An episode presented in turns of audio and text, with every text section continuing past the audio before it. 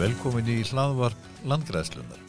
Sá sem hér talar heitir Áskell Þórisson en gestir mínir í dag eru þau Rannveig Magnúsdóttir, sérfræðingur og starfsmaður landverndar og Kristinn Há Þorstensson, frangatastjóri skóræktarfélags Kópavóks. Verið velkomin en tilefni þess að ég hóaði í ykkur er Birki fræðisöfnunar átæki sem ekki var í fjölmjölum í fyrra. En áður við ræðum með Birki og nöysinn þess að klæða landið aftur skógi þá langar mér til að ræða ögnum mikilvægi endurheimtarinn visskerfa til að draga úr losun gróðrúsa loftegunda frá landi. Rannveig. Já, takk fyrir þetta. Þetta er, þetta er rosalega mikilvægt og brynt málefni og þetta er málum málana í dag. Núna er að hefjast áratögur endurheimtar hjá saminni þjóðanum. Byrja núna bara, eins, bara þessum, þessum tölu orðum Já. og verður næstu tíu árin.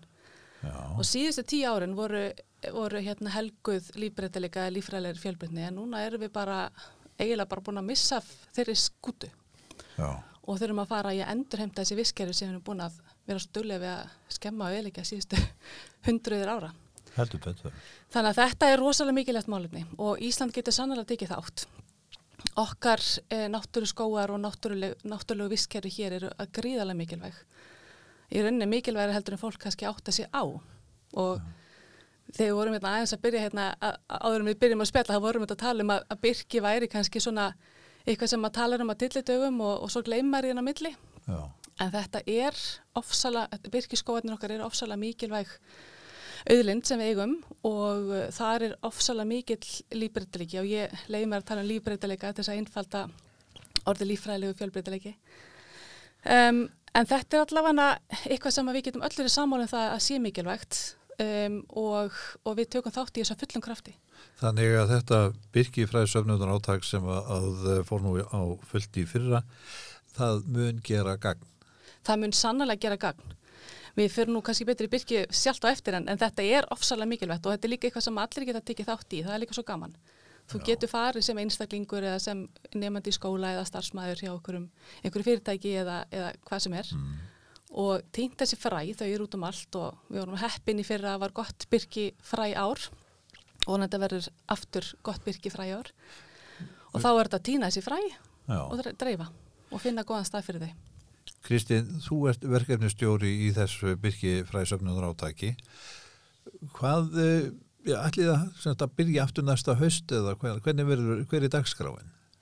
Sko, eins og kom inn á þá var mjög gott byrkjár í fyrra og við hófum standa, söfnum alveg gríðalegu hérna magni. Öllum verið búin að sá því öllu sem hann á haustugum en COVID-ið setti striki í reikningin. Við vorum vinslega spyrnum að vera ekki að fjölminna þó að við værum úti að sá og annað. Þannig að við ákvæðum bara að setja það í geimslu fræðið og uh, núna á vordögum að þá erum við, bara í þessu töluðum orðum erum við að setja niður síðustu fræðin og uh, síðan endur tökum við leikin án COVID í höst, söpnum og allum að sá. Hvað er verið að dreifa núna?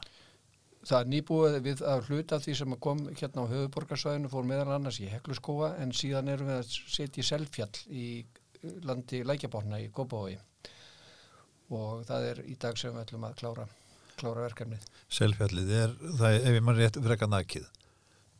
Já, það vantar bara hæl allt að stóru hluta sko. Það er náttúrulega torfur inn á milli en, en það er gríðalega nækit, já.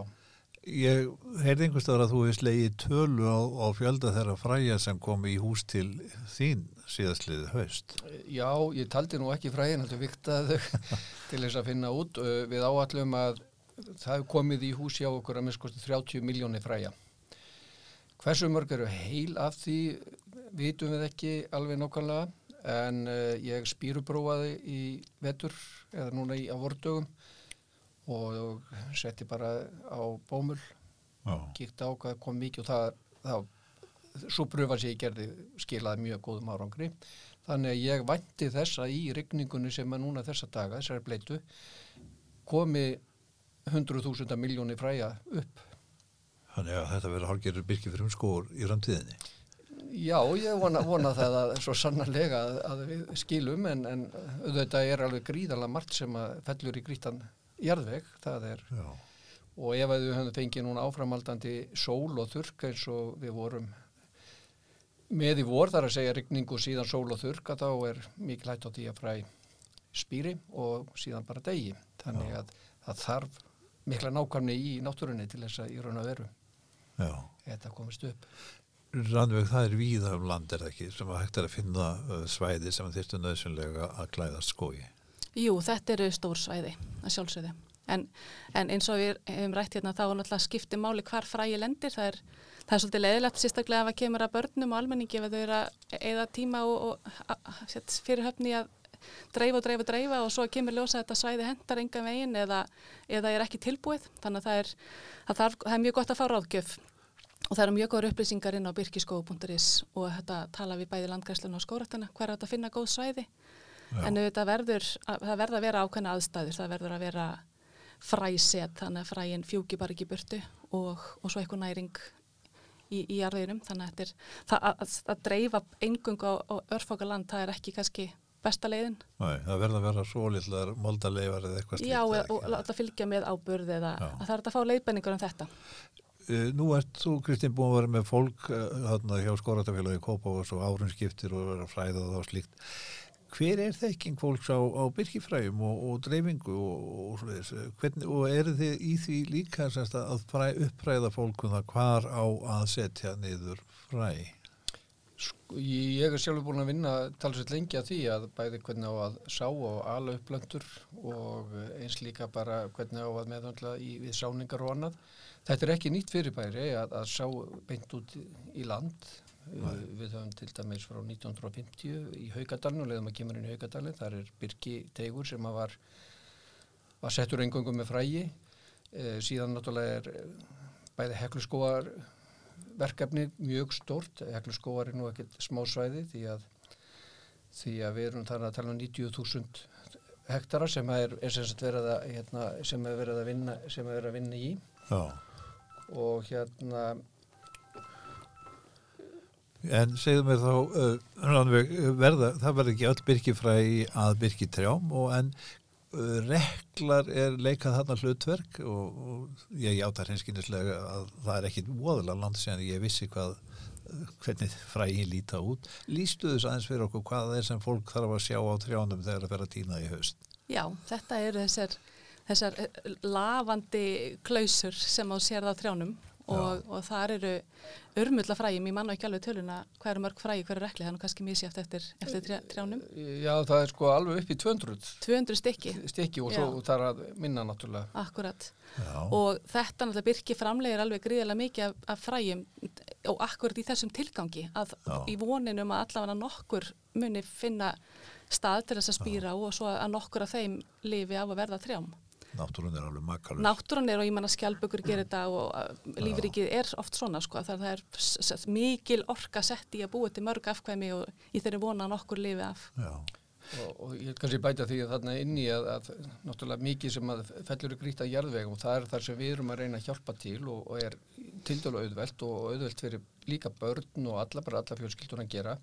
Við erum að leita upp í pínlítið set eins og nefndi á þann að það þarf að eitthvað til að fóstra plöntuna. Uh, til dæmis litlir uh, veikbarðar svona grastoppar, þeir koma til með að geta fóður, hérna, fóstrað frægið, þá setjum við það bara ofan í stígur, heldur raka, inn á milli steina og eitthvað starf það sem raki er til staðar og svo hjálpar náttúrulega næring og annað upp að koma þessu stað. En það sem að fíkur á trjónu, það náttúrulega getur fókið og leigið ofan á og eins og ég nefndi á þann, það spýrar, kemur Já. turkur og deyr, þannig að það er, það er mikilvægt að að koma sér á rétta staði. verður þú verfið það að uh, starfsmenn á vinnustöðum uh, vilji fara á stað og eða starfsmannafélög? Já, það, við hefum fengið fyrirspurnum það, það er alltaf gekk óskaplega illa í fyrra út af COVID, Já. það er alltaf bara setti stórt strik í reikningin og við vorum með þess að koma með eitthvað hópa sem ætliði að fara og, og svo bara var það ekki hægt bara út af svolítið ástæðum og En það er, það er ástæð, nú, nú hefur enga ástæð, engar hérna, hérna, nú verðum við að fara út, það er, við erum að hérna allavega vera bólusett og þannig að það verður flott í sömar og í haust. Þannig að uh, þetta við erum reyndar að tala um eitthvað tímabil sem hefst ekki fyrir einhvað í september. Já, við byrjuðum á síðast ári, þá hófst þetta verkefni 16. september Já, á Bessastöðum og allir við verðum ekki að svipaðu tíma, ég geti nú trúa því. Þetta er kannski einhver dagmunur bara eftir hvað þroska fræjarna. Já, já. En uh, förum aðeins yfir það hvað, hvaða gagn byrkiskóar gera. Þú sagði ráðan að þeir veru vopni í barátunum gegn hlínum andrumsloftsins en, en hvernig breytist visskerfið þegar að byrkiskóar hefur náð að, að já, festa rætur á einhverju stóru svæði? Hvað, hvað gerist á svæðinu? Um, þetta er mjög svona víðferm spurning. Þetta er, þetta er hérna, byrkiskóar eru, eru ein af fjölmörgum vist gerðum á Íslandi og náttúrhæðstofnun er búin að vera dögleg núna að skilgrana alls konar mismöndi vist gerðir sem eru mikilvægar Já. og, og sömur þeirra á Íslandi eru einstakra heimsísu. Já. Þannig að við berum ábyrg hérna á Íslandi á sko, einstakri náttúru þó að fólk líti kannski yfir náttúr Íslands og finnst hún kannski frekar ómerkileg þá bara þegar maður aðeins kíkir undir yfirborðið og þá er þetta alveg brjálaðslega mikilvægt. Já.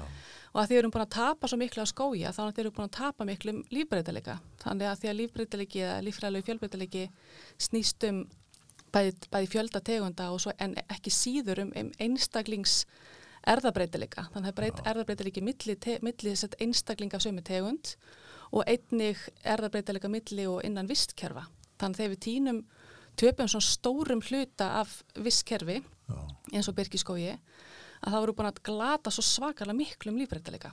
Þannig að núna er verkefni okkar að, að, að hlúa að þessu, byggja þetta, þessi kerfi upp aftur. Þau eru bara, þau eru bara ónýtt sem kerfin. Ef, ef þú horfir á örfoka land þar sem áður var Birkiskógur þá er kerfið í rauninni bara ónýtt. Já og stundum er nóg að friða svæðið. Það er nóg stundum að bara setja girðingu og friða fyrir bæði ágangi fólks og, og, og, hérna, og dýra. Eh, en stundum þarf að fara í viða meiri aðgerðir, bæta í næringu eða, eða vera með þess að byggja það alveg upp og vist heimtinn snýst um það að gefa náttúrinu svona pínu svona forskott og leifa svo náttúrinu að, að lækna sér sjálf.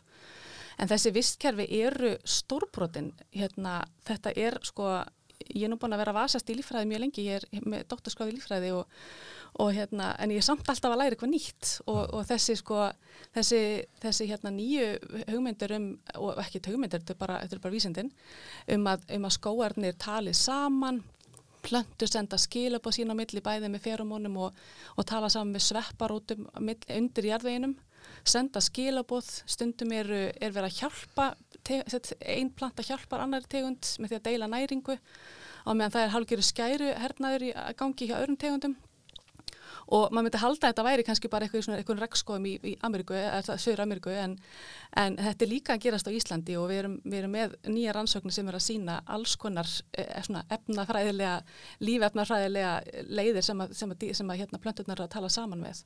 Þannig þegar maður horfir á þetta svona, þetta er næstu bara eins og að horfa á avatarmyndina ef við hafið hort á hana þá er þetta bara, þetta er stórkoslegt þetta er bara, og, og þetta í rauninni, svo gaman þegar maður er að segja krökkum frá hans, þeim finnst þetta svo spennandi að ef maður aðeins skignist undir yfirborðið, að þá er eitthvað sko stórbroti að gerast þarna og við, við þurfum að læra þetta tungumál og skilja hvað blöndnar er að segja hverfið aðra Ég sé bara að þú liftist yfir stólun Ég veit það, þetta. er rosa skemmtilegt. Ég er einmitt að skrifa námsefni þannig ég er að reyna að finna leiði þess að búa til einhverja skemmtilega tengingar eh, fyrir krakkana þess að þetta er svona kveikjur þannig að þið hafi, þess að fái áhuga. Og ég held að maður geti með því að tekna svona upp, upp svona myndir og sína þetta á þannan hátt að þá getur maður kveikt áhuga. Kristín, ég hef verið stundum að leiða mér þegar ég er í þessum pínur illa skói í mínum að tala við tríu en ég held í ljósið þess að þú varst að segja rétt á þann eða tríentala þar er ekki saman. Ég býst að við höfum aldrei heyrt trí að tala saman en, en þetta er staðrind að þau virðast einhvern veginn skiptast á skilabóðum Sko ég held að þetta er rétt sko ef við erum aðtúða það að náttúrun öll hún tala saman. Og þegar svona valdamiklir menn sem að geta stjórnaði heiminum og annað hætta hlusta því það er ekki allir sem hætta hlusta. Nei. en þegar þeir hætta hlusta og, og vilja ekki þreyfa á þá náttúrulega er voðin vís. Menn eigða skó, skóum og, og setja einslittni og pálmaólíjan er bara dæmi um það sem að menn ættu nú að lesa um. En uh, í framhald af því sem hún sagði að náttúrulega fara inn í skóa eins og bara til dæmis byrki skóa þessi gróðufarið er þvílik sæla, þetta er bara andlega sem að kemur þarna líka inn, dýralífi það ekst með skóanum og um, hefur mikið fjölbrytileiki eins og hún nefndi. Og svo er bara þessi vassheldni lækir og, og annað myndast, þetta bindir, bindur hérna vatn. E, skóar e, meðal annars binda ösku eða, eða halda ösku niðri, hún er ekki að reyfast eftir eld, eldgórs og meðal annars er hekluskóar þar, eh, hluti af því, það er að reyna að komum skói, ef það skildi koma mikið laska, þá lokar það sérsagt landinu, svo er það náttúrulega sem hann var, kólefnisbindingin og, og fleira sem að þar er inni. Jú, náttúrun hún bara tala saman og tréndra tala saman og við eigum að tala við trén og trén náttúrulega svara okkur. Já og meira en trén, sko, það er líka runnar og alls konar plöntur sem að líka, en hún er rannsóknir að að koma upp á yfirborði sem að sína til dæmis að raungambri og, og hérna krækiling, að þau senda svona skilabóð sem að í rauninni hindra aðrar plöntur í að koma nálægt. Uh, ef ég skilur þetta rétt þá uh, verja plönturnar sitt svæði? Já. Já, þetta og þetta er, sko, þetta er bara yfirborðið, við erum bara rétt að krafsa á yfirborðið. Bara, það vantar svo rosalega mikla rannsóknir á náttúr Íslands. Já. Við veitum eiginlega ekki neitt, við veitum jú hvað tegundir eru hérna en við veitum eiginlega ekkert um samskiptin. Og það að endur heimta svona kerfi það bara það krefst náttúrulega þess að við þekkjum þetta eins hvernig samskiptin virka. Ja. og, og líka við veitum með þessar, hérna, þessar hérna, aðstæður sem, að, sem að þau þurfa að hafa. Það þýðir, við, við erum kannski ekki að setja byrkiskó allstað, það er líka mikilvæg svæði sem að þarf líka að venda eins og votlendi og, önnur aðra viskerðir, þetta eru sko Þetta eru, hund, þetta eru sko, ég hérna, þetta eru 105 vistgerðir sem erum með á Íslandi Já. og 64 eru á landi. Þannig að við, við berum ábyrða rosalega miklum líbreyðleika á Íslandi þó að, þó að við séum með fáar tegundir meða við önnu lönd kannski. Við, get, við bara megum ekki bera okkur saman önnu lönd að því að þessar tegundir hafa þróast hérna saman mjög lengi og, og, og byrki á vestfjörðum er, raun og öðruvísi erðafræðilega síð heldur en byrki annar staðar þannig að þetta er þetta er, er rosalega mikill erðarbreytileiki sem við þurfum að, og lífbreytileikina sem við þurfum að venda. Kristinn, þekkið þú í sundur byrkiplöndu frá vestfjörðum og frá byrkiplöndu á östfjörðum? Já, ég, hérna, á hollingunni þá þekk ég, hérna, mér, uh, þær plöndur sem er á, á vestfjörðum eða við til dæmis uh, annar staðar, eins og, já, ég gerir það. Já, já, já. En... Uh, Þetta er svona það sem maður, maður drekkur inn í að því að maður er alltaf að horfa á þetta, maður er alltaf að skoða á hana og, og allt í náttúrulega þá sér maður að það er sérstökum blæri yfir, bara eins og yfir, yfir hérna, hópi manna og annað. Já. Þegar þú kemur inn í fjölskyldu þá sér þau stundu fjölskyldusvipin og öllum. Það er mikið til því en það er eitt sem að við hljóttum að nefna talandum byrki og það er söðfjö mér hefur sínst og skilist og ég veit að, að það sem byrki það sem er söðfið gengur á uh, landi og, og menn er að reyna að rækta upp byrki sko það getur gengið svo litið illa. Er það ekki rétt? E, jú, það gengur nefnilega sko vera að rækta byrki sko þar sem að söðfið hérna gengur. En um, sum staðar þá gengur það ef að söðfið er ekki mjög mikið en þetta dregur að talsveit mikið úr.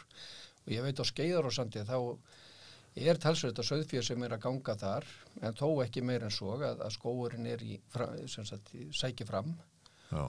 en uh, það myndi gerast vantarlega mun meira ef að það væri en á skeiðursandi er, er náttúrulega sjálfsáð svæði Já. og er að verða eitt staðista svæði landsins eða virki skóur við erum um 30 hektarar sem er sjálfsáð þar og skemmtilegt dæmi bara að, að sjá það Já, einmitt, og ef maður er kynnt að þá eru kannski söma tegundir svona gómsætar en aðrar Já. þannig að það sækja svolítið í nýgræðlinga og, og ákvæmlega tegundir þannig ég held að þetta er náttúrulega mikið sko þrætu eppli þessi, þessi beitamál en, en ég held að við getum öll fundið eitthvað skynsala niðurstöða sem að við Öruglega. við getum hérna kannski hlýft svæðunum sem eru vestfarin og, og reynda að halda, halda séðkendinni á ákveðinu svæðum sem að þóla þá beit betur. Já, ja. Sko mjög ekki gleyma því að þegar það er vaksin upp skóur þá getum við fyrir að beita skóarna. Það er að stýra og það Já. er það sem að vantar hér á landi, það er að stýra svolítið beitinni sko. Já, þannig að eh, söðfið og... Söðfið og skóurinn geta alveg tala saman. Alveg rétt. En það er eitt sem að, börsi á svo söðfið í bíli allavega, að það er eitt sem að, að við þurfum að nefna og það er að skriður hafa nú gert eh, meira vart við sig nú en oft áður og menn kenna um meiri úrkomu og, og breyttu veðri Ef okkur tekst að koma til dæmis byrki í fjálslíðar, má þá ekki rekna með að við séum að verjast skriðuföllum? Hvernig er það? Það bara hlýtur að vera því að þetta alltaf bara talar saman eins og þú horfir á Þórsmörk til dæmis, þar eru bara allar fjallslíðar, þar eru þar er taki byrki allar fjallslíðar og þar eru nú ekki kannski ekki mikil hægt á skriðuföllum þannig að ef maður tekur solistæmi þá er þetta í rauninni borlegjandi að það hlýtur að vera að hafa áhrif sko. Maður skildi ætla það. Maður skildi ætla það, en ég sem, er ekki sérfræðingur í, skrið, í byrki í skriðum en, en þetta í rauninni bara, jú, ég myndi að segja þetta að vera algjörlega borlegjandi. Og það er eins og nefndi áðan að það sem er neðanjarðar, það er ekki bara rótakerfi byrkisins heldur, sem heldur þá við, við hérna, fjálslíðanar, heldur bara að það er stórt vistkerfi þarna neðanjarðar Já. og þetta bindur þetta allt saman. Förum nú aðeins yfir í, eða meira yfir í skal ég segja ykkur eh, verkefnið á sömnun byrkifræja. Á heimasíðinu byrkiskóur kemur fram að all nokkuð fyrirtæki er að vinna með ykkur. Þetta sá ég eh, bónus, prent með dotta og læjansreifinguna til dæmis. Geta fyrirtæki gengið til liðs við þig og ykkur Kristinn sem að stýra þessu verkefni? Já, það er fyrirtæki geta gert það og, og hérna við komum til mig núna á, á höstugum eða sem sagt áður en að hefstað að senda út á fyrirtæki og bjóða þeim að, að taka þátt og uh, erum þá að horfa, við erum að horfa volið mikið til að, að fjölskyldur koma að þessu vegna þess að ungur nefnum gammal demar eins og maður segir. Og uh, innan hverja fyrirtækis eru fjölskyldur þannig að við ætlum að reyna að fara þá leiðin að að kalla svolítið eftir því að það sé ekki bara starfsmenn sem að koma heldur fjölskyldið þeirra líka safni fræjum, komi í sáningar og eða annarkort en fyrirtækjur eru svo hjartalega velkomin inn í þetta Því að bónus var með í þessu og þarna voru tunnur sem að fólk hatt sett í og, og líklega verða fleiri fyrirtæki með tunnur næsta höst eða hvað Já, við erum að meta þetta hvernig við hérna förum en, en miða við þáttökurna í fyrra þá sé ég ekki annað það að við verðum að, að fjölga tunnum. Nei, er það ekki bara nokkuð jákvæmt? Jú, jú, alveg meira á þar. Skólanir eru aftur á móti líka mjög mikið á þinni könnu. Þú ég... ert að eh, fara í skóla og segja krökkum frá ekki bara byrki heldur um hverju smálum og ímsu þeim tengt. Segð okkur aðeins frá því. Já, ég er búin að stýra hérna verkefni hjá landin sem heitir Visthind með skólum frá 2013 og þetta er alveg stórkvæmslega gefandi verkefni og, og þarna fæ ég tækifæri til þess að tala við krakka allt nýri í fymta bekk og upp í framhalskóla Já.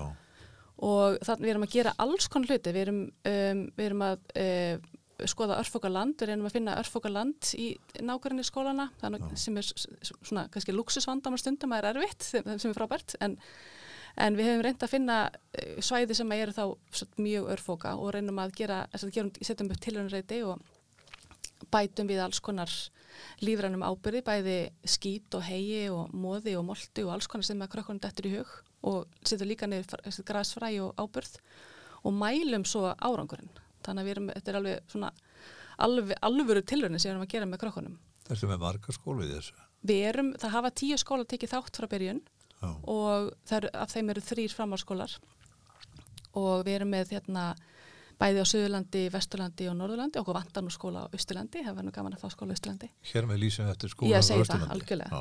En við erum líka með uh, með votlendisverkefni og við erum að græða upp námu með þeilamörkurskóla og við erum búin að þróa alls konar, alls konar verkefni og ég er búin að gefa þetta út og er að fara að gefa út meira námsefni í þessu, þessu tengt Já. og þarna eru við í rauninni bara að svona eru við líka með fræðslinni í skólanum og þau eru sett taka þetta bara, þetta eru grænfannarskólar sem eru núna þáttaköndur en þetta er náttúrulega bara opið fyrir alla skóla að taka þátt í svona verkefni og allt námsefni sem við gefum út er, er opið fyrir alla skóla að nota. Finnur þau fyrir auknum áhuga á skóla? Já, það er rosalega mikill áhuga á skólum og það vantar verkefni og vantar hugmyndir Já. og núna í voru þá settum við út uh, fræja, verkefni tengjast byrkifræjum þar sem eru að bæði að gera spýrunarpróf og, og líka að, að setja það niður á ymsa staði, bæði í potta inni og, og líka á svæði úti og ég er bara mjög spennt að sjá hvað kemur út af því. Þau eru bara að læra um lífsferðil byrkisins og, og eru svo líka, sömu skólar líka farin að sá þeim bara í, í tengslan við hérna byrkifræði verkefni okkar. Já. En þetta er allt liður í því að, að, að kenna svona, svona náttúrulæsi og, og, hérna, og landlæsi. Að að þið skinni í rauninni bara hvernig landið og náttúrunni kringu þau virka og hvað er í lægi og hvað er ekki í lægi. Að þau geti horti yfir landslag og, og meti svolítið bara er þetta landslag í lægi eða ekki. Að því að við erum með svolítið romantíska hugmynd um að sko, jafnvel að rófabörð séu bara falleg. Já, Ég menna, ég hef heyrt það já, já, og ég get ekki sagt við því, fólki finnst bara rófabörð falleg og þá er maður bara, oh, já, ok. En, en þetta er náttúrulega bara svona, svona rosalega skrítnar hugmyndir sem fólk hefur, þetta er náttúrulega bara úr auglýsingum og alls konar já. hugmyndafræði en, en, en svo horfum maður betur, ef maður læri landlæst þá sér maður að landið er bara í tötrum og, og þetta er á mörgum stöðum og, og það er mjög mikið sem það er að gera í þessum málum og mikið land sem það er að græða upp hérna á Íslandi. Kristín, ég veit að þú hefur verið að fá til hópa af skólakrökkum. Já, að vor eftir vor eftir vor. Já, já, höstinn. og haustinn. Hver er þín reynsla af því að fá krakkana í heimsókn? Hún er feikilega góð. Krakkar er mjög áhugaðsum, þau eru að koma og, og er að fræðast hjá okkur, þau eru að gróðursittja og um, þeim líður vel eins og krökkum, þau skinja það sem maður er að segja. Og uh, kennarannir eru yfirleitt bara mjög ánæðið með hvað við náum miklu aðtekli hjá krökkunum. Já. Það þýðir bara að þau hafa áhuga á þessu. Hefur, hefur séð óþekktar ánga breytast yfir í áhuga saman náttúrunendur hjá þér? Það verða engin óþættar ángar þegar að við erum að koma að gróðursetja. Ég er svo sammála, ég, ég er með krakka sem eru með bara alls konar aðdeklisprest og alls konar og erfið, erfið í rauninni og í skólastofunni sjálfri en svo þegar maður út með þeim Já, og þá er þetta algjörlega sko topp nefnundur. Gjörsamlega þau, þau eru fram úr skarandi. já, Þannig þá tekur þú úr, þau te, þú tekur þú úr aðstæðuna sem líður illa, þeim líður kannski bara illa í skólastofunni. Eiga bara erfitt með að læra, eru bara með alls konar, alls konar greiningar og það er bara, bara eðlilegt. já, En svo tekur þú út og þá allt í hennu er þau komin í umhverfi sem við líður vel í já, og þá kemur ljósa þau bara, þau hafa kannski haldið að vera heimsk allan, alla sína skólagöngu já, og svo kemur bara ljósa að þau eru bara afbyrða nefndur og þetta er alveg stórkostlegt að upplifa ég bara hef upplifað þetta nokkuð sinnum og já. ég er bara ég er, ég er bara eins og þetta magnað að upplifa þetta E, Þið voru, Kristján, meðal annars að reyna að höfða til barna og úlinga með uh, vídeokefni. Já, við erum með mynd- myndbandakefni í gangi sem við settum núna í voru á stað og stendur alveg út uh, nei, til 15. september ef ég maður rétt og uh, þar eru tveir flokkar, það er annars vegar fyrir framháskóla og hins vegar fyrir grunnskóla krakka og þau geta tekið myndir á sinn síma eða hvaða vél sem er, það eru Já. engar, hömlu þar 60 sekundur sem þau geta tekið upp, hvað sem þau klippa það, tekið einu reynsli eða hvað, það sem þau þurfa að gera er að þetta á fjallubyrki. Það snýst allt um byrkið. Sendi þetta inn og allar upplýsingar eru á byrkiskóu.is, það eru veglegar velunir þannig gangi. Já, og ég bara hvet alla til að taka þátt í þessu og og bara fjölskylduna líka bara til að aðstóða við þetta vegna þess að þetta er mjög spennandi og það er mjög kremjandi að taka 60 se- sekúnda hérna, myndband upp. Ég syns auðveldur að taka upp 5 mínútur. Miklu auðveldar að taka 5 mínútur heldur en 60 sekundur. Þetta Já. reynir bara mikið á þau og uh, svona maður vanti þess að förum að fá fyrstu núna myndböndin. Uh, Nú er alltaf farið blóma og annað og var mjög spennandi að fylgja því til dæmis eftir. Þau geta senda á annað myndband sem eru sáningar eða tína frægi eða hvað sem er. Þau geta líka að fara inn í skógin og, og tekið bara náttúruna eins og Já. hann er. Krónuna, stopnin, laufblaðin, gróðufarið og hvað þeina. En þetta bara snýstu byrki.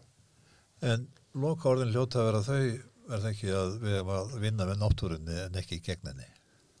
Já. já, já Heldur það, það er bara það, er, Hún er bara líkiladrið, við erum já. ekkert á náttúrunar við erum, erum hluta náttúrunni en við erum, verðum ekkert á náttúrunar já, það er bara svo leys og við erum akkurat í því bæði í því hlutverki að reyna að ala upp fólk til þess að sína náttúrunni virðingu því miður þá er ekki allir sem gera það og því þarf að breyta Þakka ykkur kærlega fyrir að koma í hljóðverið.